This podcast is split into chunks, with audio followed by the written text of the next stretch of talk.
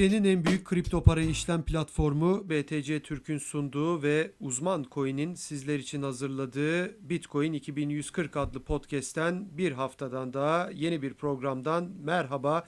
Ben Hakan Ateşler ve arkadaşım Burak Köse ile birlikte yine kripto para dünyasının hatta kripto para evreninin bu haftaki gelişmelerini sizler için değerlendireceğiz. Fiyat tabii ki her hafta olduğu gibi konuşacağız. Fiyatta aslında geçtiğimiz 3-4 haftaya göre çok fazla bir kıpırdama yok ama yine böyle bir 8900'lere gittiğimiz ve dün itibariyle de 9200-9300'lere çıktığımız bir hafta oldu diyebiliriz. Altcoin'lerde çok ilginç hareketler var. Tabii ki Bitcoin temelli olarak bütün bunları konuşacağız. Çok çok önemli bir konuğumuz var. E, yurt dışından bize bağlanıyor. Tabii ki onu tanıtacağız sizlere ama ilk olarak isterseniz Burak'la birlikte şöyle bir fiyat girişi yapalım. Girizgahı oradan yapalım. Konuğumuz da biraz daha sürpriz olsun sizler için. Burak hoş geldin.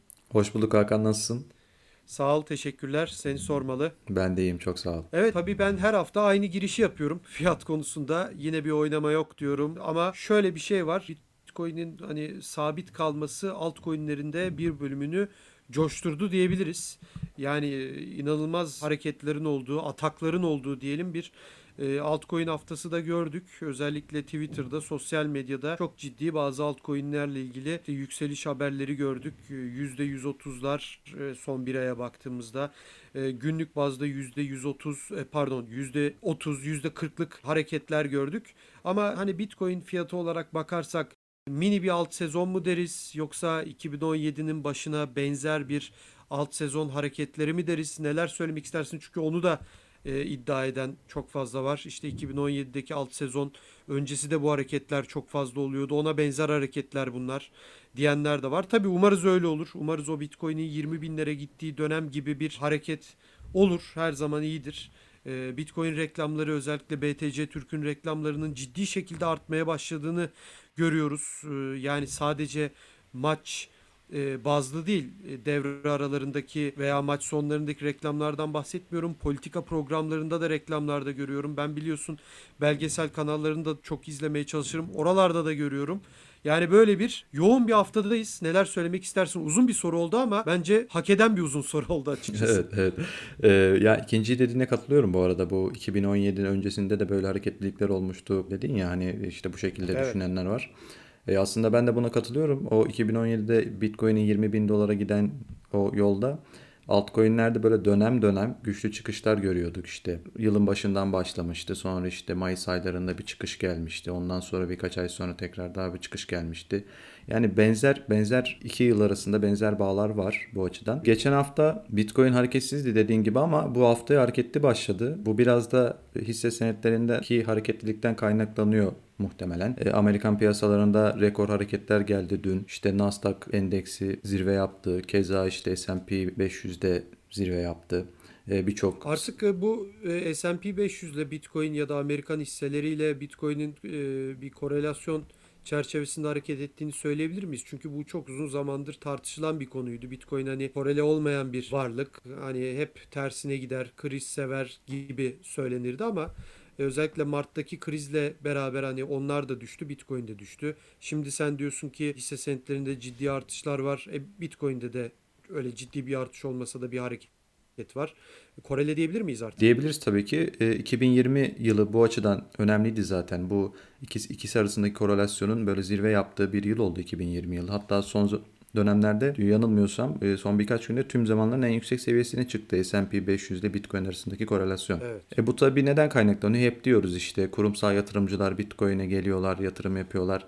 Bu artık daha bariz görünmeye başladı özellikle Onu hisse, hisselerle aslında. beraber. Yani iyi, iyi Hı-hı. bir şey mi bu korele olma durumu yoksa korele olmadan mı kalmalı diyecektim. Sen biraz oradan kurumsalların girişini söyledin.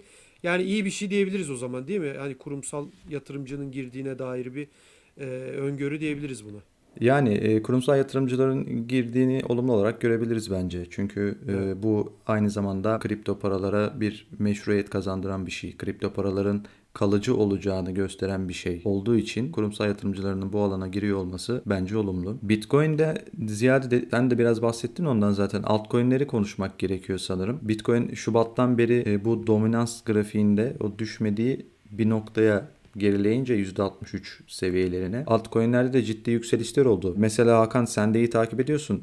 Favorilerinden biridir. VeChain evet. mesela 2018'den beri görmediği bir seviyeye çıktı. VeChain'deki çok ciddi artış yani gerçekten Doğru. dikkate değer yani bu bu yükseliş 2017'den beri görülmemiş düzeyde yükselişler bunlar. 2018 tabii, döneminden beri. Tabii tabii ben hani bir dönem e, küçük küçük de olsa düzenli alım da yapmıştım. Hani çok ciddi ücretler değil gerçekten hani çok küçük küçük almıştım ama VeChain'deki o artış inanılmaz boyutlara geldi ve uzun süreye yayıldı ve hala da o arttığı seviyede kaldı. Hani belki borsaya baktığınızda şöyle bir %10, %15 gibi geride gözüküyor ama aslında o 24 saatlik olduğu için o kadar çok yükselmiş ki sabit kalınca hani yükselme durdu gibi geliyor ama daha doğrusu yükselme durdu.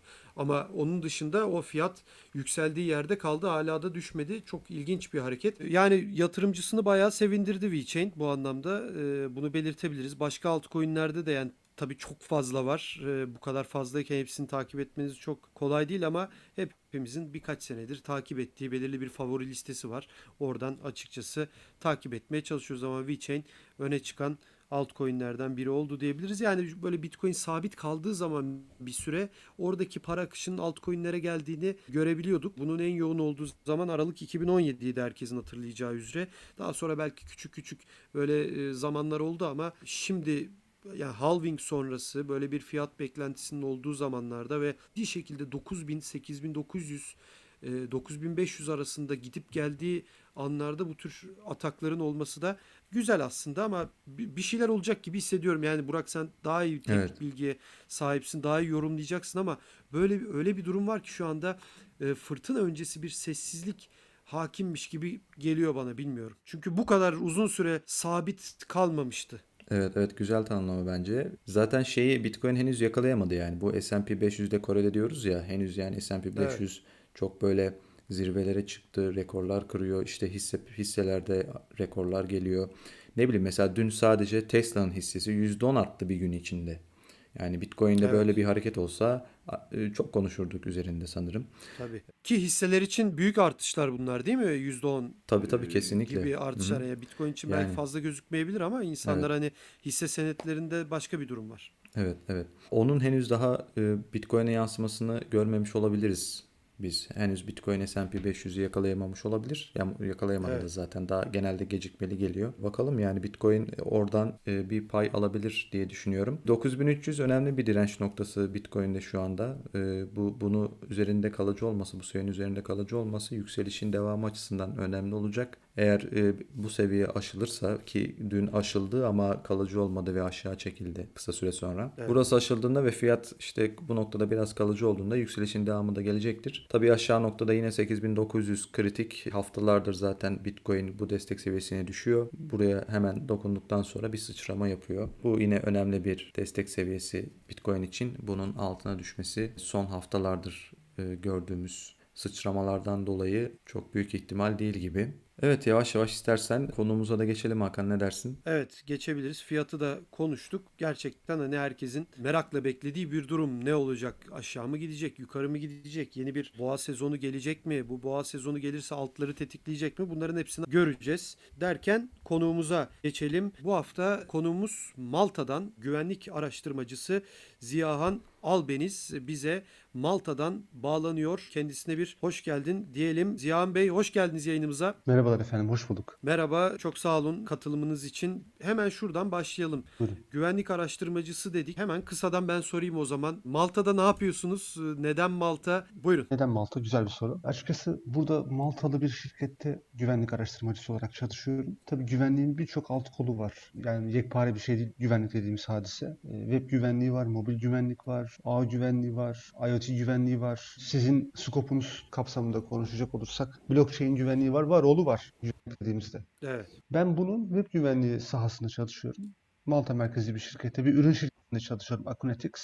E, yaptığım Hı. iş burada bu ürünün gelişimine katkı sunmak güvenlik araştırmalarıyla. Title'ım bu şekilde benim. Ağırlıklı olarak web güvenliği üzerine çalışıyoruz. Yanı sıra Türkiye'de de faaliyetlerimiz devam ediyor. Türkiye'de de Arka Kapı Dergi adında bir dergi çıkartıyoruz. Burak Kösebilir, Uzman Coin sağ evet. olsun her sayımıza içerik sağlıyorlar. Arka Kapı Dergi'de de daha geniş bir yelpazede güvenlik konularını ele alıyoruz ki blockchain güvenliği bunlardan bir tanesi oluyor. Ee, Arka Kapı Dergisi de Türkiye'deki ilk Hacker dergisi. Buradan da okurlara duyurmuş olalım. Burada da editörlük görevimi tamamladım Malta'ya geldikten sonra. Fakat hala yazarlığa devam ediyorum. Hala derginin yasal olarak sorumlu yazı işleri müdürüyüm.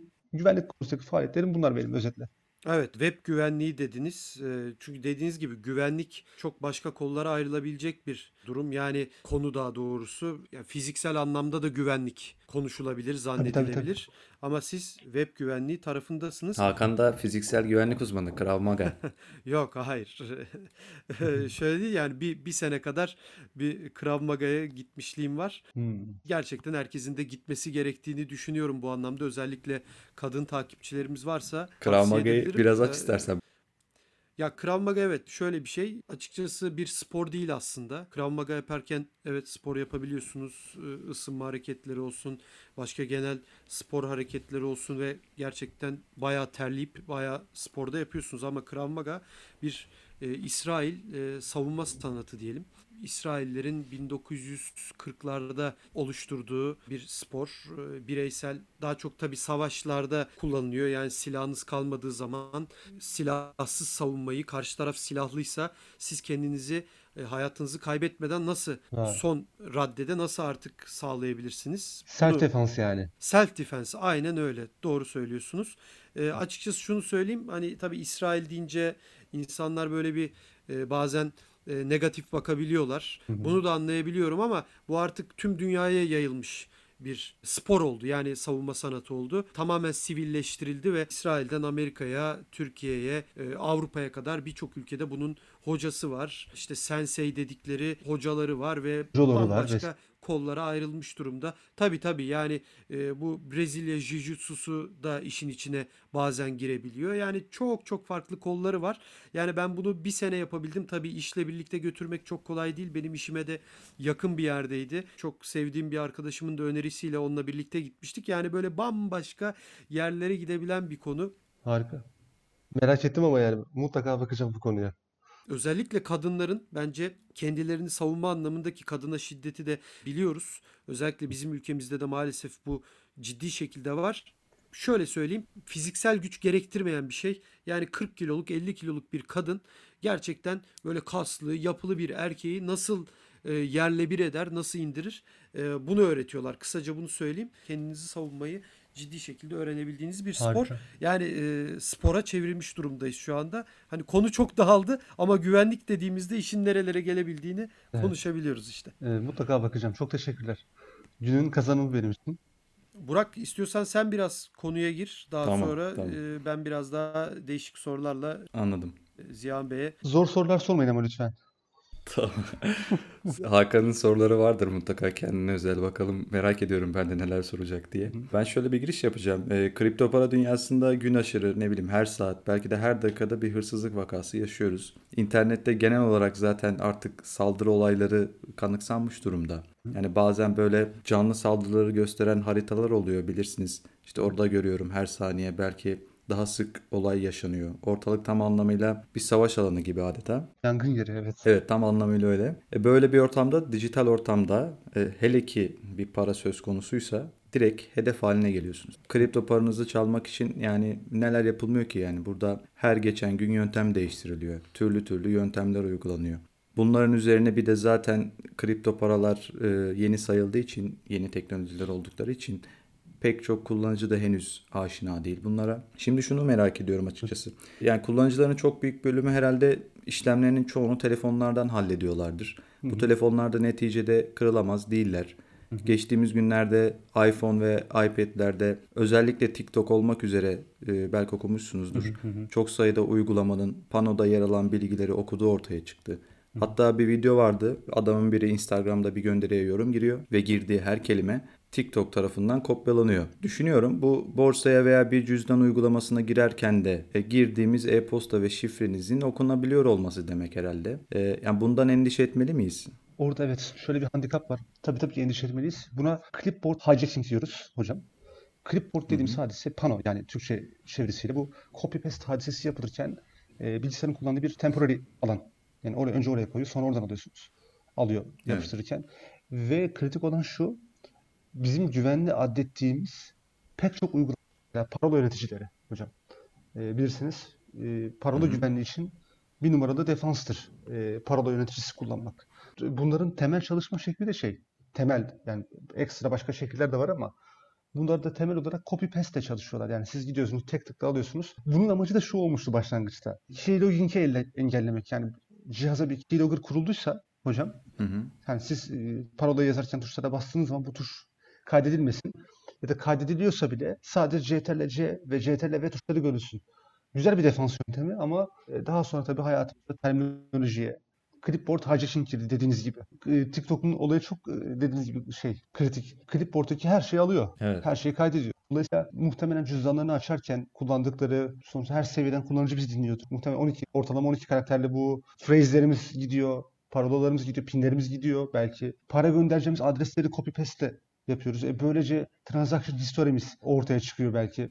Evet. Dolayısıyla mesela bu durumda aklıma hemen şu geldi bizim gizlilik için önerdiğimiz yöntemlerden bir tanesi, yani benim önerdiğim kullanıcılara Zcash ve şey Monero. Monero evet. E şimdi biri bir mesela benim Monero adresime para yollayacağı zaman, benim Monero cüzdanıma para yollayacağı zaman transaction history'de bu gözükmüyor. Evet. Hı hı. Orada bir mekanizma ifade etmişler ama bu tarz bir şeyle olursa son kullanıcının cihazı üzerinden böyle bir şey olursa o aramızdaki transaction historisi ifşa olacak. Yani işlem geçmişi bu şekilde ifşa olacak. Dolayısıyla çok kritik. Dolayısıyla topu, devreye bir sürü başka parametre giriyor hocam. Dediğiniz gibi yani sadece kullandığınız ürünler değil, sadece e, alım satım yaptığımız borsalar değil. Son kullanıcı olarak bizim e, bu konudaki yetkinliğimiz, mental yetkinliğimiz, olayların farkında oluşumuz, kullandığımız cihazların gerçekten bize hizmet ediyor oluşu. E, bunlar çok önemli parametreler. Bu, bunu açacağım birazdan. Gerçekten bize hizmet ediyor oluşu kelimelerini kullanarak neyi kastettiğimi. Anladım. Bu arada sadece TikTok'ta değil yani insanların böyle çok böyle yoğun olarak kullandığı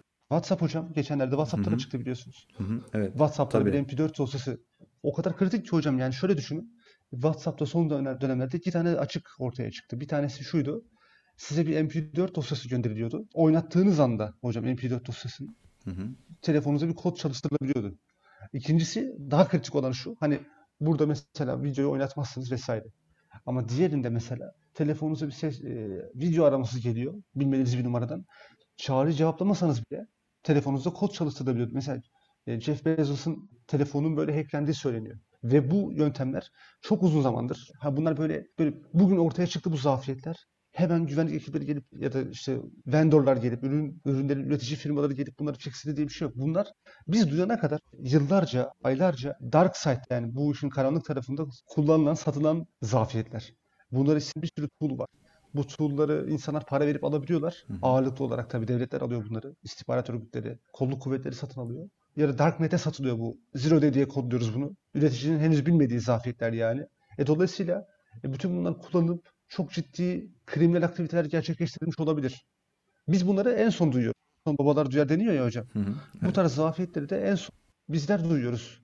Eğer işin içerisinde değilseniz.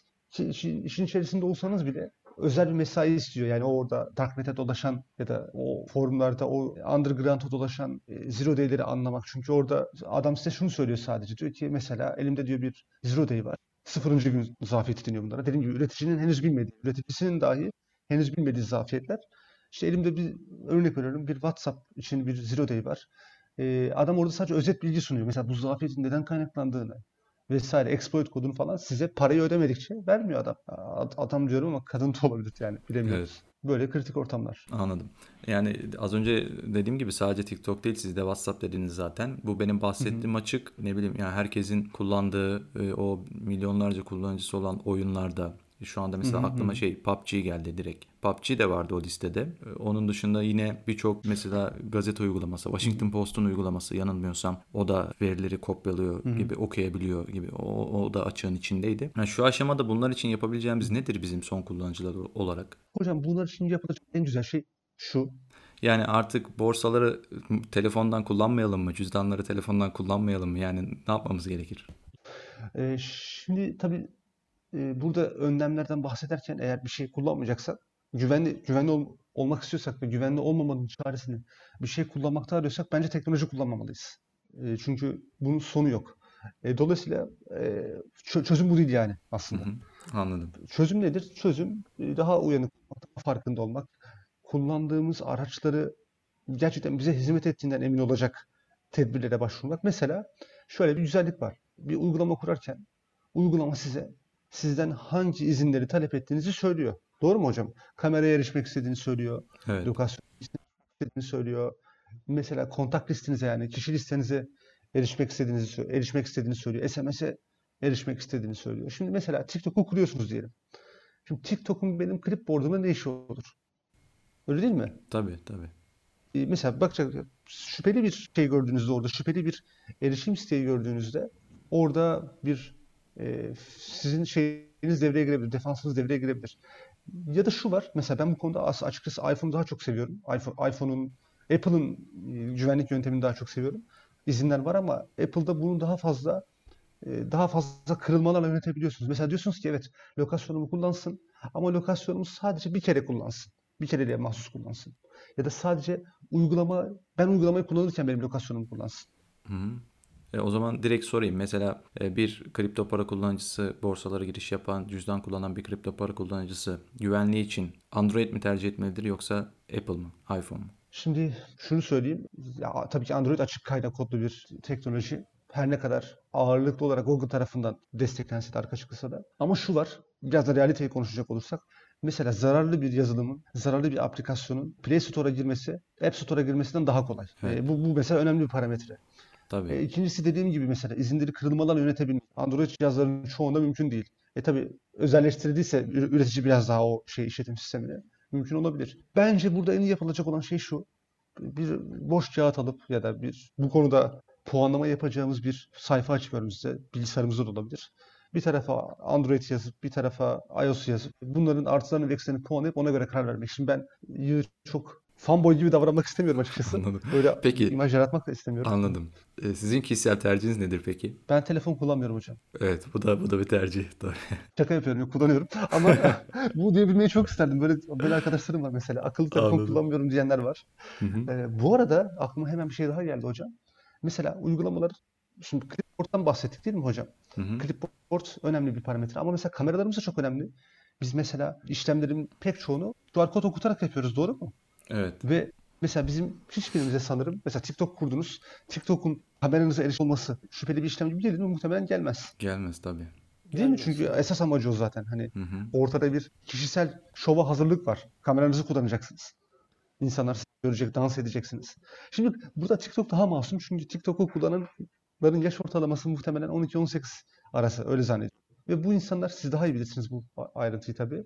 Mesela bu insanlar kripto para borsalarını ya da kripto parayı az kullanan insanlar. Ama dediğim gibi mesela WhatsApp'taki açık çok daha büyük impact'i olan bir açık. Ya da diğer uygulamalarda. TikTok dediğim gibi daha masumane çünkü muhtemelen teenager dediğimiz grup kullanıyor TikTok'u. Ağırlıklı olarak tabii e, söylüyorum. Yetişkinler de vardır kullanan. Ee, burada Ziyan Bey şunu sormak istiyorum. Şimdi arada da çok kaynamasın bu Buyurun. clipboard dediğimiz yani e, ben biraz daha basit sormak istiyorum. Pano, Çünkü pano diye tabir edebiliriz. Pano. Hı hı.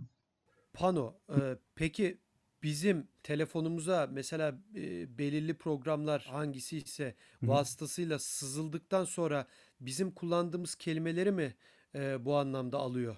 Hocam Bu, şöyle, e, clipboard bunlar şöyle çalışıyor. Çok güzel, çok güzel, çok güzel bir soru. Yani dolayısıyla şifrelerimizi de alabiliyor mu? Bunu söylemek istiyorum. E, ta- e, parolalarınızı da Çünkü alabilir ben hep tabii. telefondan Hı hı. aynı şifreyi giriyorum. Çünkü şöyle söyleyeyim ben Burak'a da bunu söylemiştim. Bizim WhatsApp grubumuz da var. Mesela orada da yazmıştım. Mesela geçtiğimiz 2-3 ay önce bana bir mail geldi. Ee, işte senin şifreni bulduk. Bize şu kadar şu kadar Bitcoin yolla. Yoksa senin işte şu şu görüntülerin elimizde mailinde sakladığın biz bunu ifşa ederiz. Şimdi öyle bir görüntü yok. Ama insan böyle bir şaşırıyor. Bir baktım alta maile şifremi de yazmış. Benim bir dönem kullandığım şifre. Doğru. Yani doğru şifremi yazmış. Hı hı. O an evet Hemen söyleyeyim onun sebebini. o değil. Hı hı. Ama bir dönem Hı hı. oydu şifrem. Yani aslında inandırıcı bir durum. Ben karşı taraftan gelen o tehdide tabii ki inanmadım, güvenmedim ama şifremi bulmuş adam geçmişte kullandığım Hı hı. bir türlü. Hemen onu söyleyeyim size hocam nasıl olduğunu. Bu olaya sextortion deniyor. Daha çok dediğiniz gibi işte. Bu şöyle oluyor hocam. Her dönem hatta her ay neredeyse artık kitlesel e, ifşalar ortaya çıkıyor hocam. Yani bir yer hackleniyor. Bu hacklenen yerlerde ki kullanıcı adları, parolalar eğer uygun bir şekilde saklanmadıysa bunlar ifşa oluyor. Mesela şimdi Türkiye'de Türkiye'den örnek verelim. Birkaç gün önce biliyorsunuz bir sanal mağaza hacklendi. Aslında sadece Evet. sanal mağaza değil artık. Bir market zinciri aslında. Hem sanal mağaza olarak ortaya çıkmıştı. Şimdi, ve bir sürü de market var. Ve bu şeyin çocuk ürünleri, bebek ürünleri satan bu mağazanın Türkiye'de milyonlarca kullanıcısı olduğunu biliyoruz. Kendi reklamlarından biliyoruz hocam. Şimdi ne oluyor? Bu bunların database'i ya bunların makineleri hacklendi. Veri setleri, database'leri ele geçirildi. E şimdi şöyle düşünün. Siz her yerde aynı parolayı kullanan bir kullanıcısınız hocam. Bebek mağazasında da aynı parolayı kullanıyorsunuz. Gmail hesabınızda da aynı parolayı kullanıyorsunuz. E şimdi ne oldu? Bu liste ifşa olduktan sonra ben Hakan Ateşleri has mıyım? Siber has mıyım? Sizin bir şekilde dijital varlıklarınızı ele geçirmek istiyorum hocam. Ne yapıyorum? Bu listelerde sizin adınız Evet. var mı diye bakıyorum ki bu çok kolay. Torrent sitelerinden indirebiliyorsunuz bu listeleri. Ya da mesela bazı siteler vardı. Anladım. Oraya ben sizin e-posta adresinizi yazıyorum. Şunu görüyorum. Hakan Ateşler bu ifşa listelerinden birinde var mıydı? Varsa parolası neydi? Bunu görüyorum hocam. Size bir mail atıyorum. Ve şimdi sizin bir e, eskiden kullandığınız parolalardan ve siz yine şanslısınız eğer öyleyse. Birçok insan parolası hala aynı parolayı kullanıyor. Tabii tabii. Evet. E şimdi düşünün. Tabii. Bu, mekanizma bu. Bu, bu listelerden elde, elde ettikleri paralarla bu scam işlemini yapıyorlar size karşı. E, dolayısıyla diyor ki ya benim, bu kişi benim parolamı biliyor. Hakikaten o zaman bilgisayarıma sızdı. Hakikaten kameramı açtı. Hakikaten benim uygunsuz görüntülerimi çekti. Tabii. Deyip telaşa kapılıp o ödemeyi yapan bir sürü insan var. Hatta bir sürü ünlü Peki kişi o de zaman olmuş. parantez açıp hemen kapayalım. Şunu sorayım. Biraz önce de söylediniz ama hatta Burak da sordu hani nasıl o zaman bundan savunacağız kendimizi? Hani Evet. self defense biraz önce dedik ya bunu nasıl Evet. yapacağız? E, o zaman şifrelerimizi düzenli olarak değiştireceğiz. Başka Evet, bunun evet, evet. e, evet. herhalde tam anlamıyla e, bir çaresi yok ama o bile %100 olmayabilir mi diyorsunuz? Hocam %100 tabii ki e, e, bu, bu, bu katkısı. en önemli. Bu first layer. Yani ilk katmanı defansımızın. Anladım. e, anladım. Parola yöneticisi kullanmak. Parola yöneticisi bize ne sağlıyor hocam? Şunu sağlıyor. Birincisi karmaşık şifreler seçip aynı zamanda da hatırlamak derdinden kurtuluyoruz. Çünkü bu bir database'te, parola database'inde kullanılıyor. Biz sadece bir, bir parolayı hatırlamak zorundayız. O da hatta bir şifreyi hatırlamak zorundayız. Çünkü şifre değerinde olan bir şey. Master password'u hatırlamak zorundayız bu e, parola yön- yöneticisi uygulamasını açarken. Diğer hiçbir parolayı hatırlamak zorunda değiliz. Kopyala yapıştırla ilgili alana koyup şey yapabiliyoruz. Uygulamaya seçeceğimiz parolanın complexity kriterlerini veriyoruz. Diyoruz ki mesela 16 karakter olsun, özel karakter olsun, numara olsun, işte case sensitive ya da case insensitive büyük duyarlılığı olsun. Bu tarz parametreleri veriyoruz. Hemen burada o zaman şunu da sorayım ya parola yöneticisi ne demek? Hani oradan hani parola yöneticisi dediniz ama bilmeyenler de vardır Basit bir örnek belki. vereyim hocam size. Şöyle mesela tarayıcılarımızın aslında tar- bizim tarayıcılarımız, tarayıcılar nedir? Google Chrome mesela bir tarayıcıdır. Firefox bir tarayıcıdır. E, Internet Explorer, Microsoft Edge bir tarayıcıdır. Zaten biz aslında gündelik yaşantımızda parola yönetici aşinayız. Çünkü bugün neredeyse bütün modern tarayıcılar, bu saydıklarım, built-in yani e, entegre parola yöneticilerine sahipler. Mesela parolanızı kaydediyor ya bir web sitesine girdiğiniz zaman size soruyor. Parolayı kaydedeyim mi? Evet. Kaydete, bas kaydete Evet. basıyorsunuz. Sonra tekrar tekrar parolayı girmek zorunda kalmadan hangi siteye girerseniz mesela yörel eşleştirmesini yapıp o alanları dolduruyor, ilgili kutuları dolduruyor. Aslında burada biz basic Tabii. level bir, bir şey kullanmış oluyoruz. Parola yöneticisi kullanmış oluyoruz. Bütün feature'larını buna hasreden programlar da var. Mesela KeePassX bunlardan bir tanesi. İşte OnePassword bunlardan bir tanesi. LastPassword bunlardan bir tanesi. Böyle ticari uygulamalar da var. Bu uygulamayı hocam bilgisayarınıza kuruyorsunuz. Böyle bir uygulama bilgisayarınıza kuruyorsunuz. Hatta hemen size söyleyeyim.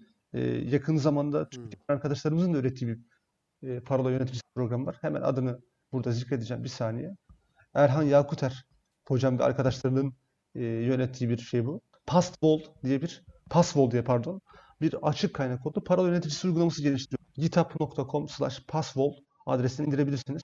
Hem e, mobil desteği var hem cross platform olduğunu hatırlıyorum yanlış hatırlamıyorsam. Bu uygulamayı bilgisayarınıza kuruyorsunuz hocam. E, index gibi düşünün. Diyorsunuz ki mesela benim, benim e, Gmail'de kullandığım kullanıcı adım bu. Parola alanına giriyorsunuz. Var olan parolanızı yazabilirsiniz ya da o esnada parola üretebilirsiniz. Bunu yazıp kaydediyorsunuz hocam. Sonra bir sonraki aşamada mesela Gmail.com'a girmek istediğiniz zaman ne yapıyorsunuz? Gmail.com önünüzde açık diyelim değil mi? Kullanıcı adı alanına geldiniz. Gidiyorsunuz. E, password yöneticisine geliyorsunuz. Sağ tuş tıklayıp kullan e, o item üzerine yani Gmail üzerine oluşturduğunuz kayıt üzerine sağ tuş tıklıyorsunuz. Kopyala diyorsunuz. Kullanıcı adını kopyalayıp ilgili alana yapıştırıyorsunuz. Parolayı kopyala diyorsunuz. Gidip parolayı yapıştırıyorsunuz. Bunu kendisi de yapıyor. E, isterseniz şunu yapabiliyorsunuz. E, diyorsunuz ki yörel eşleştirmesi ben Gmail.com'a girersem tıklayıp hemen açıyor size Gmail.com'u. İlgili alanları dolduruyor. Evet. Ben bunu çok tercih etmiyorum çünkü bu yöre- yörelleri parz ederken bazen geçmişte bir dizi hata oluştu. Ben bunu kendim yapmak istiyorum. Kopyala yapıştırı ben kendim yapmak istiyorum. Bu çok büyük bir avantaj sağlıyordu. Birincisi şu, siz parolalarınızı bir yere not etmek zorunda değilsiniz. Clear, clear text olarak. Aklınızda tutmak zorunda değilsiniz. Çünkü sizin için bir tek bu işlemlerin hepsini bu program yapıyor. Siz sadece bu programa bir master password atıyorsunuz. Sadece bunu aklınızda tutmak zorundasınız. İstediğiniz kadar uzun olabilir bu. Bir tane parolayı hatırlayacaksınız zaten. Çok fazla değil. İstediğiniz kadar uzun ve kompleks tutun bunu. E, gerisini bu parola yönet- yöneticileri e, manage edecek, e, yönetecek bu süreci. Şimdi bu çok önemliydi dediğim gibi. Çünkü bizim internet kullanıcıları olarak karşılaştığımız en büyük tehlikelerden bir tanesi son kullanıcı olarak keylogger'lardı. Yani bilgisayarımıza sızıyordu. Bütün e, klavyedeki tuş hareketlerini kaydediyordu hocam. Dolayısıyla parolayı böyle tek tek elle yazmak yerine kopyala yapıştırla yazdığınız zaman bu tehlikeden azade oluyordu. Tabii clipboard hijacking bu kadar yaygın değildi o zaman. Şimdi bu birinci layer dediğim gibi. İkinci layer ne? Biz insanlara diyoruz ki evet her platformda ayrı parola kullan. Bu parolalarını en iyi parola yöneticileriyle yönetebilirsin.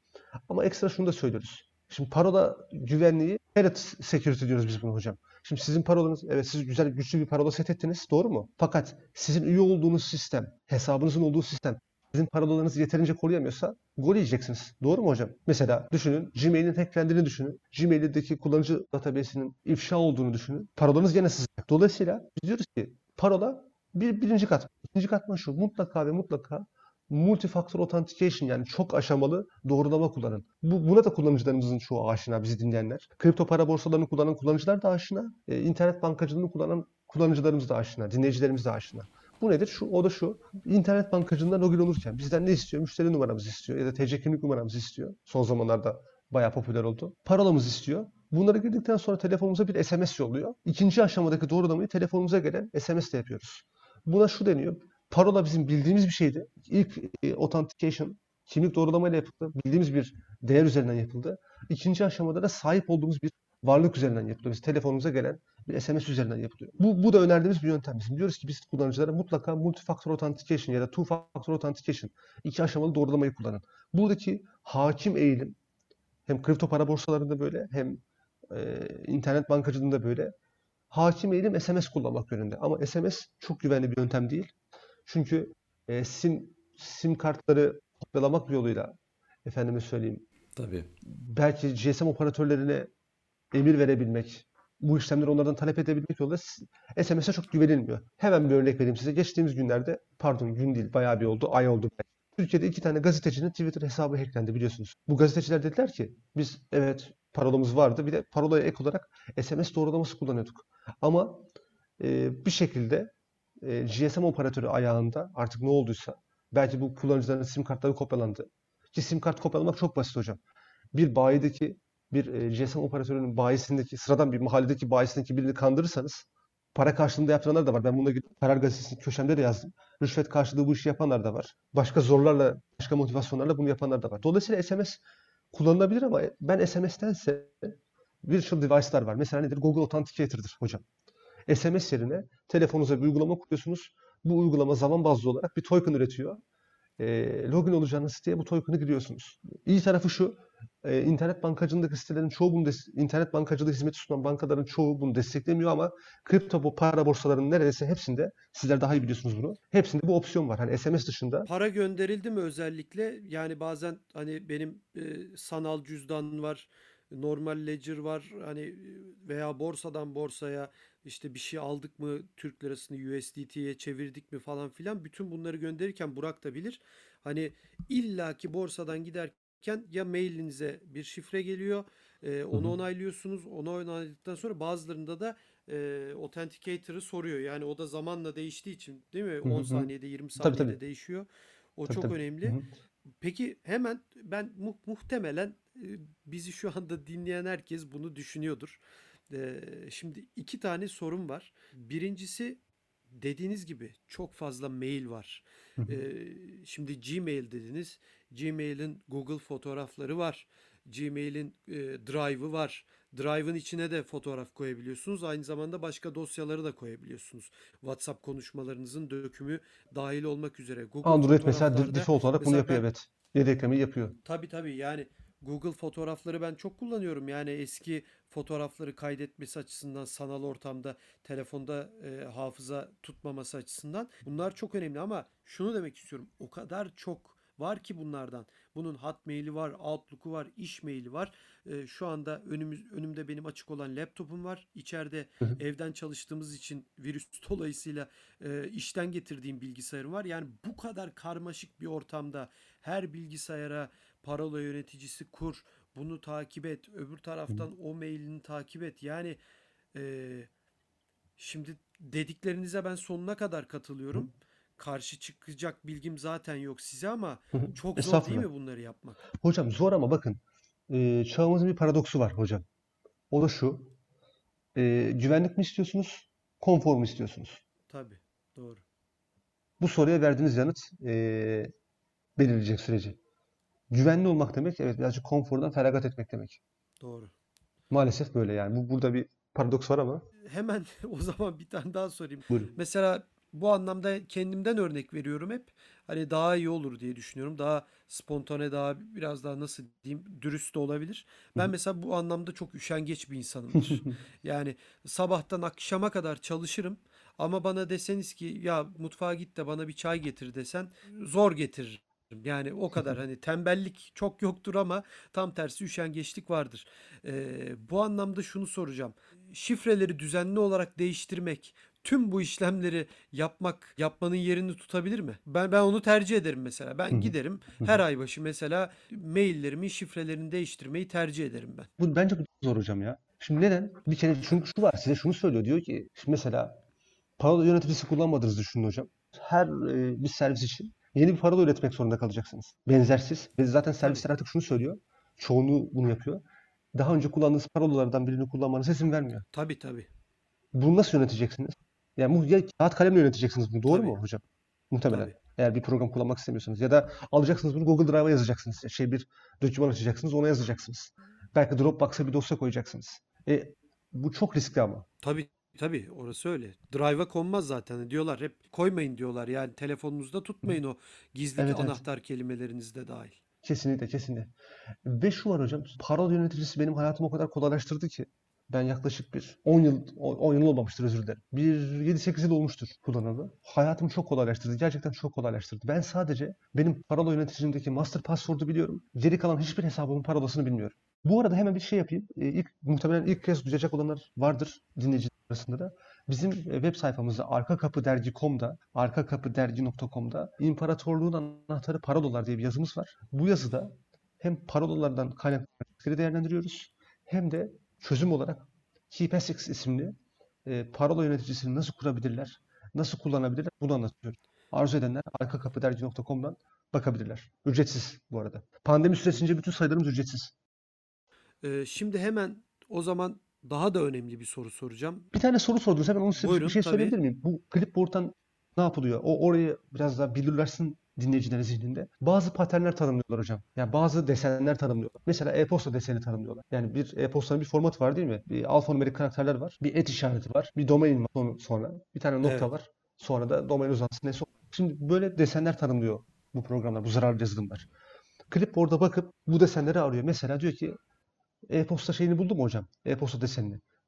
Kuvvetle muhtemel e-posta deseninden sonra clipboard'daki ikinci şey ya da keylogger'ın topladığı verilerdeki ikinci data paroladır muhtemelen. Kuvvetle muhtemel paroladır. Mesela Bitcoin cüzdan şeyini tanımlıyor hocam. Sadece Bitcoin için değil diğer para birimleri için de bu söz konusu. Bunların bir şey formatı var değil mi? Cüzdan formatı var. Adres formatı var. Bunların desenlerini tanımlıyor hocam. Muhtemelen atıyorum ben şu an benim clipboard'umda bir cüzdan paterni tanımlandıysa, dedekte edildiyse muhtemelen birkaç adım önce cüzdanıma giriş için kullandığım parola vardır. Ya da e, şey vardır. O keywordler, mnemonikler vardır. Evet. Bu, bu şekilde hocam daha veriyi saldırganlar da topladıkları veriyi sonrasında orada da bir big data söz konusu. Onlar da ne yapıyorlar? Bu veri setini anlamlandırıyorlar bu şekilde. Aslında buna benzer bir şey soracaktım ben size. Mesela bilgisayara Ledger'ın uygulamasını indirdim. Telefonda da var. Benim anahtar kelimelerim ama herkeste olduğu gibi e, ya çoğunlukta olduğu gibi kağıtta yazıyor. Hani dijital hiçbir ortamda anahtar kelimem yok. Benim anahtar kelimelerim olmadan dışarıdan benim bilgisayarıma, telefonuma sızıp bu dediğiniz giriş şifremi hani bir de çünkü anahtar kelimeler ve sizin cüzdan şifreniz dışında bir de kendi telefonunuzda cüzdanınızı açma şifreniz var. Ee, genelde dört haneli. Pin. Hı hı. E, Pin evet doğru. Pinimi bulup içindeki benim varlıklarımı, fonlarımı, paralarımı alabilir mi hacker? Asıl önemli soru bu. Yani bütün her şeyden bahsettik. Mailde oydu buydu ama asıl önemli soru bu bence. Yani cüzdandaki parayı kaptırır mıyız hocam? Anahtar kelimelerimi ele geçirmeyecek ama o yok. O benim kağıtta yazılı. Şöyle düşünün. Sonuçta siz tekrar tekrar neden e, anahtar kelimenizi cüzdanınıza girmiyorsunuz telefonda? Çünkü bir kere girdiniz doğru mu Evet. hocam? Ondan Tabii. sonra e, pinle, pinle devam ediyor. Şeyde de olduğu gibi mesela. E, internet bankacılığı uygulamasını bir kere açarsınız telefonunuzda hocam. İlk aç, ilk açılışta size şey sorar. SMS doğrulaması ister. Sonra o telefonu whitelist ettiği için bir süreliğine ne yapar? Sizden artık SMS istemez. Çok kritik işlemlerde gene SMS doğrulaması yapar. Yüklü miktarda para yolluyorsanız mesela. Ama onun dışında yapmaz. Şimdi ben sizin telefonunuza sızdım hocam. Bir Tamam. şekilde. Telefonunuzdaki bu token var yani sık saklanan bir kere girdiğinizi doğrulayan token Evet. var ya hocam. Tekrar tekrar sizden o keywordleri istemiyor. Ben onu silsem telefonunuzda ne olacak? Telefon tekrar size telefondaki cüzdan uygulaması tekrar bu şeyi silecek. Oturum doldu diyecek. Oturum zaman aşımına uğradı diyecek değil mi? E, gireceksiniz Doğru. mecburen.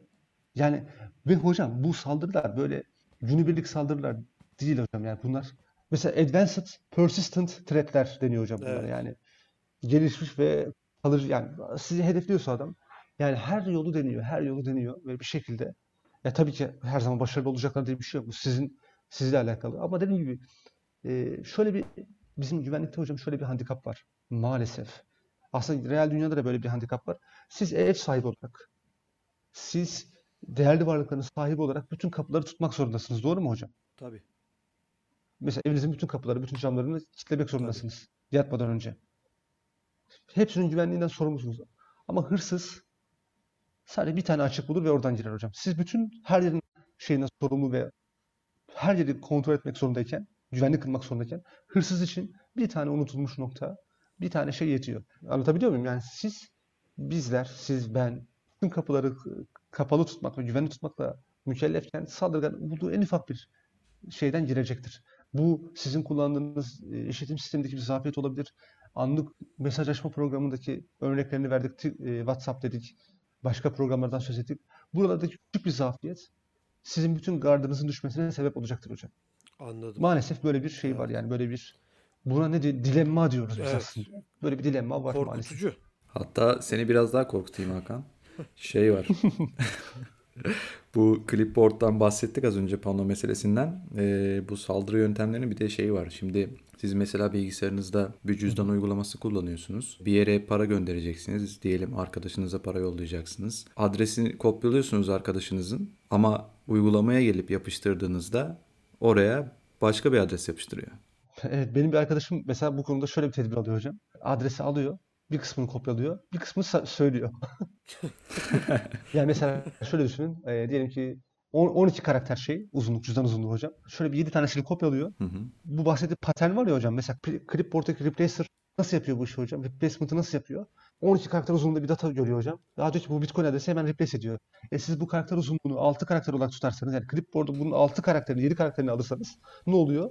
O matching'i geçemiyor. Arkadaşım mesela bu yöntemi kullanıyordu. Ben takdir etmiştim. Gerisini sana söylüyor. Telefonda söylüyor. Başka bir kanaldan yolluyor. Anladım. Aslında şöyle söyleyeyim yani bu son dediğiniz beni pek korkutmadı. Niye diyeceksiniz? Tamam tabii ki önemli başka bir adresin oraya kopyalanıyor olması ama yani e, bu bence her insanda bir reflekstir, gelişmiştir. Yani e, parayı gönderdiğiniz zaman ben yani bak şimdi adresler karışık. Öyle çok da akılda tutulabilecek ya 1 2 3 4 5 6 yazmıyor orada. Akılda tutulabilecek bir adres değil tabii ki.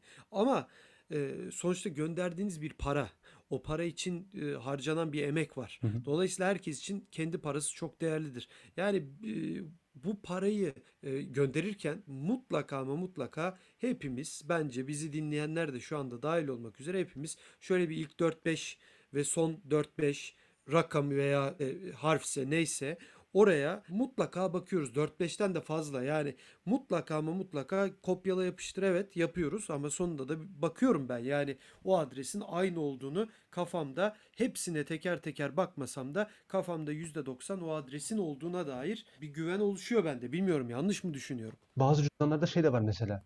Biliyorsunuz bu işlemler pratiklik açısından hep QR kod okutarak yapılıyor. QR kod QR kodu görüyorsunuz ya ekranda. Okutmadan önce monitör tuşu var. Evet. Biliyorsunuz. Hani onun neye Tabii. Tekametini gösteren uygulamalar yaygınlaştı mı bilmiyorum ama böyle şeyler var tabii yani. Ya hocam dikkat eden de var, etmeyen de var. İnsan zincirin en zayıf halkası hocam günün sonunda.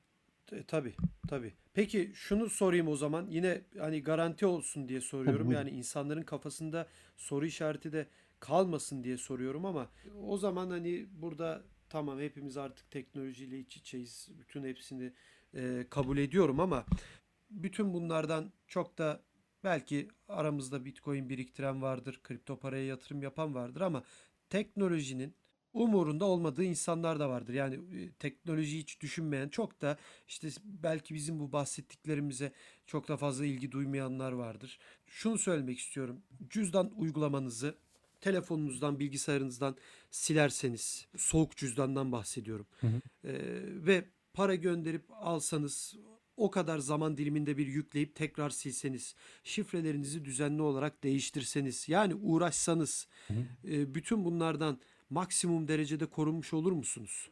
Bu bahsettiğiniz şeyler önemli Tamam. tedbirler. Bunları yapan birisi kendi paranoyasını yapmıştır. Ama şimdi dediğim gibi hocam siz işletim sisteminizde hangi zafiyetlerin olduğunu bilemezsiniz. Ben, ben, ben de bilemem. Şu an benim kullandığım işletim Tabii ki. sisteminde, bilgisayarda Tabii ki. sadece işletim sistemi değil bu arada donanımda da zafiyetler oluyor biliyorsunuz. Bilemiyorum. Bilmek mümkün de değil. Tabii tabii ben zaten sizden hani yüzde yüz evet veya hayır cevabı beklemiyordum ama Şeyden yani güzel bunun bir e, checklistten bahsettiniz. Bu arada e, orada Evet. bir ufak bir highlight etmem lazım. Cüzdanlar biliyorsunuz üçe ayrılıyor. Sıcak cüzdan dediğimiz şey, ha- hot, hot wallet dediğimiz şey. Borsada tut. Doğru mu hocam? Borsadaki varlıklarımıza hot tabii wallet deniyor. Bizim bilgisayarımıza tuttuklarımız yani bilgisayarımıza bir cüzdan uygulaması kurmuş. Buna warm wallet deniyor. Bir de işte soğuk dedikleri var. Artık o da şey yani cüzdanınıza atıyorsunuz, kendi şahsi cüzdanınıza atıyorsunuz. Bilgisayarınızdaki bütün e, yani dijital ortamdaki bütün ilişkilerinizi kaldırıyorsunuz. Sadece blockchain'de sizin cüzdanınızla Tabii. o para arasındaki ilişki tesis oluyor. İhtiyaç duyduğunuz zaman transaction'a vesaire bir cüzdan marifetiyle, başka bir marifetle şey yapabiliyorsunuz. Bir donanımda saklı. Ledger diyorsunuz değil mi? Yani ağırlık olarak Ledger deniyor buna. Doğru mu? Yani işte bir USB stick olabilir bu. Dolayısıyla bu üç tane şey var. En en güvenlisi genel anlamda şey olarak söyleniyor. soğuk cüzdan olarak söylenir. İhtiyaç duyduğunuzda takmak bilgisayara, Tabii. cüzdanınıza girip transaction yapıp tekrar şeyden bağlantısını kesmek. En doğru yöntem bu gibi gözüküyor. Evet zaten Ee, hani bu- bu, bunu bilerek sormuştum ben. Yani bu en güvenli olarak gösterilen bu yöntemde e, çalınma ihtimali sorusunu sorayım ki hani insanların kafasındaki o güvenlik endişeleri dediğiniz gibi yüzde yüz olmasa da büyük oranda en azından yok olmuş olur belki diye Burada burada Çünkü özellikle hani en güvenlisi o olarak gösteriliyor. evet. Burada Yani özellikle USB portu buyurun. Evet, burada özellikle insanlar şeyi merak ediyor. Hatta bize de o konuda birçok soru geldi. Hani o 24 kelimelik bizim o kurtarma ifadelerimiz var ya hani cüzdanımızın sigortası konumunda. Birinin diyor işte bunları tahmin edip e, cüzdanıma girme ol- şansı var mı? Bundan endişe ediyorum diye sorular geliyor mesela. Bunun için ne söylemek istersiniz? Valla bu e, birazcık permütasyon konusu matematikteki hocam. Olası Ama yani permütasyon ama ya artık imkansıza çok yakın neredeyse. zor gibi geliyor bana hocam ya. Evet. O yani artık zaten onu tahmin edebilecek bir akıl bambaşka şeyler yapar. Zaten zengin olur yani her türlü diye düşünüyorum. Yani 24 24 kelimeden bahsediyoruz doğru mu hocam? 24 zor Tabii, evet. tabii. Bir de 12 12 de yaygın aslında. 12 24. 12 de çok evet zor. ben 12 demiştim zaten. Başta 12 yaygın. 12 olarak hesapladım hocam. Ee, her bir kelime 5 karakter. Boşluklar da var tabii arada. Yani bir biraz zor gibi geliyor bana hocam. ya. Yani zaten bu işler büyük büyük şey ha, imkansız demiyorum bakın hocam. Çünkü çok Ya güçlü tabii. bilgisayarlar var ama Hiçbir şey imkansız değil sonuçta. Evet. Olabilir. Ama yani biz ölümler hocam bu işte biraz zorlanırız yani. Bizim bir, e, bu permütasyondaki bir şeyi tahmin edip doğru tahmin etmek, e, doğru olasılıkla yani, a- bu kadar uğraşmasınlar yani sayısal lotoyu falan da tutturabilirler. Tabii tabii onu demek istiyorum zaten. Yani, Yani değil mi? o- Onu Ee, çözecek kafa başka loteri de şeyleri kazanabilirler yani. zaten. Bu arada asla bir tavsiye değildir. Yani ama yani bu kadar karar verse loteride tutturabilirler yani. Evet, Hatta evet. oradaki şans daha yüksek olabilir bence. Doğru tabii. Yani sonuç olarak diyorsunuz ki siz evet hırsız düzenli bir biçimde sizin evinize girmeye çalışsa bir gün pencereye öbür gece kapıya bir öbür gün her ikisine baksa bir kere de bu açığı bulabilir diyorsunuz. Yani biz her gece yatmadan açıkçası penceremizi kapımızı neymişse artık çatımızı e, bunların hepsini hatta şömineyi bacayı artık varsa bunların hepsine bakacağız. Başka çaremiz yok diyorsunuz hocam değil mi? Disiplinli bir Yok, biçimde biz yok, artık yok. kendimizi Yok disipline edeceğiz. Madem para biriktiriyoruz, madem bitcoinlerimizi bir yerde tutuyoruz, madem bunun için çalışıyoruz, bu çalışmamızın emeğini de bir türlü başka bir emek sarf ederek korumaya çalışacağız. Başka çare yok herhalde Kesinlikle hocam. ve, kesinlikle ve hocam şu var. e, ya bazı bizden bağımsız parametreler de var. Mesela 2018 yılında yanlış hatırlamıyorsam My Ether Wallet hacklendi biliyorsunuz. E, Evet. 150 bin dolar civarında Ether çalındı. Ve bunu hacklerken şunu yaptılar. DNS hacking ile yaptılar bunu. Yani myetherwallet.com'u ana saldırganlar kendi kontrolünde bir yere yönlendirdiler. Görünüm aynı. Şimdi buna ne yapacaksınız hocam? Anlatabildim mi? Evet. Siz korumuşsunuz. El bebek, gül bebek saklamışsınız cüzdanınızı. Ledger almışsınız, şunu yapmışsınız, bunu yapmışsınız. Günün birinde para yollama ihtiyacı hasıl olmuş hocam. Girmişsiniz MyEther Wallet'a. Ki bu arada orada da bazı soru işaretlerim var zaten. Girmişsiniz MyEther Wallet'a. Çok, çok kullanıldığı için. Ya şimdi burada yapacağınız hiçbir şey yok. Bu adamın e, DNS kayıtları hacklenmiş. Saldırganlar kendilerine yönlendirmişler. Ya burada hiçbir şey yapamazsınız. Bunu anlamanız mümkün değil çünkü bakıyorsunuz adres çubuğuna myetherwallet.com yazıyor. Hani şey de değil mesela Tabii. bazı karakterleri benzetip bir phishing yapmış değiller. Ne deniyor? Tuzun kokması demek bu hocam. Ki borsalarda da bu anlamda bütün dünyadaki büyük borsalarda da Türkiye'dekilerde de çok ciddi güvenlik önlemleri alınıyor. Hatta insanlar kendilerine güvenmediği için borsalarda da tutuyorlar Evet, evet. fonlarını. E, Türkiye'de ben benim de gözlemim o yönde. Mesela BTC Türk aynı şekilde. BTC Türk zaten herhalde bu işin kompedanı şu an Türkiye'de doğru mu? Ben Evet, evet. sizin kadar iyi bilmiyorum ama bayağı da bu işte yatır, yatırım yaptıklarını biliyorum yani. Hem güvenliğe hem e, bu işin Yayılmasına. ve- veri güvenliğine ve şeyine saklanması aşamalarına çok Evet, büyük yatırımlar evet. yaptıklarını biliyorum. Güzel de yapıyorlar. Bu arada bayağı da reklam görüyoruz sizin bahsettiğiniz gibi. Yayının başında bahsettiğiniz gibi. Ben seviniyorum şahsen bu reklamları gördüğüm için, bugünleri gördüğüm için. Tabii. Tabii. Tabii bunlar Ee, sonuçta evet. hem e, Bitcoin'in bir kere kullanıcı kitlesinin artırılması yönünde e, önemli adımlar Hı. bence. E, daha hatta Kesinlikle, e, kesinlikle. evet evet. Yani Türkiye'de daha öncesinde Bitcoin reklamı yayınlamak kolay değildi. Bu geri çevriliyordu genelde bu istekler. Ama bunun e, yavaş yavaş böyle yayınlanıyor olması regülatörler tarafında da herhalde bir şeylerin değiştiğini gösteriyor bizlere. Bu zaten bir meşruiyet karinesi. Tabii tabii. Ben şimdi yine Bu güven- kadar. evet Hı hı, Buyurun. e, güvenlik konusunda bir- birkaç sorum vardı dedim az önce. E, Buyurun. onları sormak istiyorum. Buyurun. Mesela işin bir de şeyi var. Kamuya açık Wi-Fi tarafı var. Ya Oo. mesela bazı kahve dükkanlarında fiber internet sunuluyor. Yani hız 100 megabit. Bu benim hoşuma gidiyor açıkçası ve kendi mobil internetim olmasına rağmen interneti o hızla kullanabilmek için özellikle bağlanıyorum. Bu ağlara bağlanmak güvenliğimiz için nasıl bir risk oluşturuyor? En başta işte kripto paralarımız için yani buraya da e, bağlarsak. Burada evet güzel bir soru bu. Public ağları hepimiz kullanıyoruz. Bu da çok yaygınlaşan bir, bu da bir kültür oldu artık aslında. Üniversitelerde kullanıyoruz. Kent meydanlarında ücretsiz Wi-Fi hizmetleri var belediyelerin. Bunlar güzel şeyler. Şimdi e tabi burada şey var hocam. e, dediğiniz gibi kablosuz bağlantı şu demek. Biz bir bir başka bu hizmeti sunan bizim her paketimiz başka bir hop üzerinden hedefe aktarılacak. Hoplar üzerinden hedefe aktarılacak daha doğrusu. E şimdi burada burada bir kere en önemli şey ben eğer paketimi bir eskiden bunlara ne deniyordu? Postacı. Ben bir postacı Kurye, postacı. vasıtasıyla yolluyorsam zarfımı ve bunun arada okunmasını istemiyorsam hocam ne yapıyorum? Mühürlerim doğru mu? Ancak alıcısı bunu açar. Alıcısı da eğer mühürde bir yıpranma görürse şüphelenir açıldığından. Şimdi dolayısıyla aynı şekilde aynı yöntemi biz bu burada da uygulamak zorundayız. Daha doğrusu bütün internet trafiğimizi uygulamak zorundayız. Nedir? Bizim gönderdiğimiz paketi sadece alıcısı açıp okuyabilmek zorunda ve alıcının bize gönderdiği paketi sadece biz açıp okuyabilmek zorundayız ve arada hiçbir şekilde bu paketin içeriği değiştirilememeli, okunamamalı. Bunu da nasıl sağlıyoruz? SSL, TLS teknolojisi kullanarak sağlıyoruz. Şimdi tabii burada dediğim gibi burada yine bir share, shared security var. Siz son kullanıcı olarak SSL kullanıyorsunuz. İşte atıyorum Bitcoin borsasına girerken işte HTTPS e, şey, şemasını kullanıyorsunuz. Ama karşı tarafın yani Bitcoin borsasının da e, bu güvenli bağlantıyı implemente etmesi lazım. Doğru bir şekilde implemente etmesi lazım. Burada kullanıcıda küçük bir indicator var, gösterge var. O da şu. E, bir borsaya girdiğiniz zaman mutlaka adres çubuğuna bakın. Orada bir yeşil asma kilit görmeniz lazım. Bu şu demek, e, sizin hedefle kurduğunuz bağlantının güvenli bir bağlantı olduğunu gösteriyor. Teorik olarak güvenli bağlantı olduğunu gösteriyor. Dediğim gibi şeyler olabilir. Güven doğru bir şekilde implemente edilmediyse bu bağlantının yumuşak karnı olabilir. Bu ne demek? Sizin gönderdiğiniz paket sadece hedef tarafından açılıp okunacak ve tam tersi yani onun gönderdiği sizin tarafınızdan açılıp okunacak. Araya giren hiçbir saldırgan paketi değiştiremeyecek, okuyamayacak. Bu, buna dikkat etmek birinci şey olabilir. Birinci adım olabilir. Yani adres çubuğunda HTTPS şemasını görmek. Onun dışında başka ne yapılabilir? Yine dediğim gibi şey yapılabilir. Ee, ben ara sıra yapıyorum mesela. O asma kilidi tıklayıp sertifika kim adına imzalamış ona bakabilirim. Son kullanıcı çokluğuna bakma, bakmayabilir ama güvenli bağlantı buradaki tek kurtuluş hocam. Yani ben kimseye public Wi-Fi kullanmayın diyemem. Çünkü yani dediğim gibi çok real real bir şey değil, realistik değil yani o öneri. Dolayısıyla SSL ve SSL TLS bu arada bir arada kullanılıyor. So, soket katmanındaki bir güvenlikten söz ediyoruz burada. TCP ile ilgili bir konu. TCP IP protokolü ile alakalı bir konu. Dolayısıyla tek çare burada bu teknoloji güvenli bağlantıyı kullanmak. Aslında şöyle bir şey yapabiliriz hocam. Buradan da anons edelim mesela. Ben daha önce bu tarz araştırmalar yaptım. Keşke biz biz ya da bir başkası otursa Türkiye'de kaç tane borsa var? Sayısını ben bilmiyorum. 10 tane diyelim. Yani mesela 30 bu 40 tane 10 tane var. 30 40 tane ya da siz daha dediğim gibi daha iyi biliyorsunuz. 30 40 tane borsaya baksak mesela.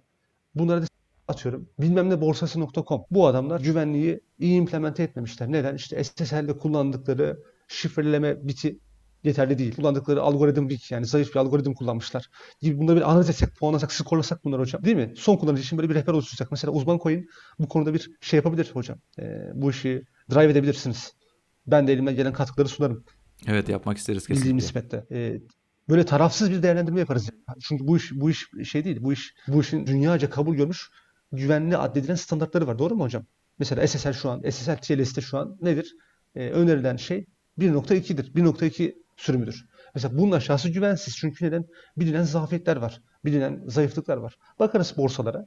Kim hangi şeyi kullanıyor? Mesela şunlara bakarız. Hangi kütüphaneleri kullanmışlar o siteleri tasarlarken? O kütüphanelerdeki versiyonlar up to date mi? Yani güncel mi? Güncel versiyon değilse bir zafiyet barındırıyor mu? Bütün bunlara bakarız. Bunları puanlarız. Ne güzel bir hizmet olur Türkiye'deki kripto para ekosistemi için. Öyle değil mi hocam? Şuna Tabii, tabii, Zayıflar ne evet. yapar? Zayıflar güçlenmeye çalışır. E, güçlü olan şey, güçlü olanlar da kimse kusura bakmasın. Bugüne kadar güçlü olmak için yaptıkları yatırımın karşılığını reputasyon olarak alırlar. Evet, e, az önceki sorumun cevabını aldım az çok. Şimdi son Ha, olarak verebildin mi? Hı hı, tabii. Son olarak Oh, ne mutlu bana. son olarak merak ettiğim şey de şu. Aslında ben hani SMS doğrulama kullanmıyorum. İlk etapta tabii kullanıyordum daha önceler. Sonra bundan vazgeçtim. Daha sonra işte Google Authenticator vardı. İşte o da iki faktörlü doğrulama ama o çok daha güvenli SMS doğrulamaya göre anladığım kadarıyla. Tabii. Hı hı. Sonra bununla ilgili de e, bazı tartışmalar dönmeye başladı. Yanılmıyorsam ya geçen yıl ya da 2020 yılının başlarında buradaki o token dediğiniz o şifreleri o işte 6 haneli şifre demeyeyim de artık 6 haneli rakam. Bunların bile zafiyeti olduğu okunabildiği yönünde ben bazı haberler görmüştüm. Bunu gördükten sonra kendim yakın zaman önce bir fiziksel anahtar satın aldım. Bilmeyenler için bu işte USB bellek cihazı gibi bir şey. Bu cihazı giriş yaparken bilgisayar evet bu cihaz borsaya giriş yaparken veya herhangi başka bir platform olabilir. Bilgisayara takılı olmadığında giremiyorsunuz. Çok derinlemesine araştırmadım ama bunun şu anda hesaplara yetkisiz erişimi engelleme konusunda herhalde en sağlam yöntem olduğunu biliyorum. en sağlam çözüm evet. Evet, Evet. evet. Tabii bu ekstra bir maliyet demek. Yani mesela dediğiniz gibi eğer bir authenticator kullanıyorsanız Google Authenticator olabilir. Auth olabilir ya da Yandex'in var mesela Authenticator'ı. Evet. Bunlar tabii ücretsiz App Store'lardan indirip kurabiliyorsunuz. Uygulama marketlerinden. App Store deyip bir yeri hedef göstermeyin. Uygulama marketlerinde genel, genel olarak var. Ücretsiz olarak kurabiliyorsunuz. Burak Bey'in bahsettiği hadisede muhtemelen 20-25 euro, dolar bir e, ücreti var. Doğru mu Evet, hocam? evet, evet. Ya- biraz daha e, işte yüksek sanırım. evet. Evet, 30 dolar E, falan galiba yani çok da farklı değil Dedi- aslında. Burak Bey'in dediği gibi bilgisayarınıza bir stick, USB stick takıyorsunuz. Ancak o takdirde platforma girebiliyorsunuz. Tabii bu şeye göre virtual e, MFA uygulamalarına göre daha güvenli. Bir kat daha güvenli evet. Çaldırı yani bu, bu cihazı kaybetmediğiniz müddetçe. Çünkü bu cihaz mesela mesela telefon telefon telefonunuzu birisi ele geçirdi diyelim. Sizin 2F kodunuzu nasıl ele geçir yani nasıl oku- okuyabilir? Telefonunuzda muhtemelen bir pin kodunuz vardır. Doğru mu hocam? Bir ekran kilidiniz vardır. Bir Face ID ile açıyorsunuzdur vesaire. O şekilde görebilir ama burada mesela USB stick fiziksel olarak elde etmiş birisi doğru mu hocam? Takıp tuşa basıp üzerine şey yapabilir yani. Ekstra bazı baş- başka bir takım tedbirler almadıysanız. Evet, evet. Pin atayab- atayabiliyor musunuz hocam? Ben onu daha önce kullanmadığım için soruyorum. Pin Üzerinde atı bir tuş olduğunu biliyorum. Tabii tabii. Üzerinde bir tuş var tabii dokunmatik olarak. Ee, şey yapıyorsunuz. Borsa şimdi onu okumadan önce bilgisayardan bir pin istiyor. Bilgisayara bir pin giriyorsunuz. Default mu bu? Default mu yoksa ekstra siz mi set ettiniz? Ee, yo herhalde default olması lazım yani. Kurarken nasıldı çok hatırlamıyorum ama herhalde Peki zorunluydu. dokunduğunuz yerde Touch ID yani Touch ID parmak iziyle bir ilişkisi var mı yoksa Yok sadece yani? dokunmak. Parmak iziyle ilgisi yok. Touch ID. Yani sadece dokunuyorsunuz. Parmak izinizi okumuyor. Anladım. Yani tuş gibi bir şey yani. Onun yerine düğme de olsa aynı, aynı işlevi görüyorum. Hı hı. Anladım hocam. E, tabii öyle e, hatırladım yani bildiğim kadarıyla herhalde Touch ID gibi bir şey e, okumadım o konuda. Zaten bir tane var herhalde. Yani çok en güçlü üreticisi benim bildiğim UBK. Hı hı, Bu evet evet evet. Evet. Ya bunun Ay, bunu bu- kesersiniz. Reklam sever. bunun tabii şey zafiyeti işte al- alınması, çalınması olabilir yani işte onun da böyle bir zafiyeti evet, var. evet. Dediğiniz gibi. Teşekkür ederim beni davet ettiğiniz için. Sizin vasıtanızla Türkiye'deki dostlarımıza seslenmiş olduk. Biz teşekkür ederiz. Umarım faydalı olmuştur. Yo yo çok güzel bir program oldu. Çok güzel bir podcast oldu. Bir buçuk saati de doldurduk ama doldurduk yani dolu dolu oldu. Onu da belirtelim. Evet bu haftaki konuğumuz da Bitcoin 2140 adlı podcastimizin bu haftaki konuğu da güvenlik araştırmacısı Ziyahan Albeniz'di. Gerçekten Malta'dan kendi belki de işinden mesaisinden bize zaman ayırıp çok da değerli bilgilerini bizlere aktardı. Kendisine tekrardan teşekkür ediyoruz. Türkiye'nin en büyük kripto para işlem platformu BTC Türk'ün sunduğu ve Uzman Coin'in sizler için hazırladığı Bitcoin 2140 adlı podcast'imizin bu haftada sonuna geldik. Ben Hakan Ateşler ve arkadaşım Burak Köse adına hepinize iyi haftalar, bol kazançlar diliyoruz. Tekrardan görüşmek üzere.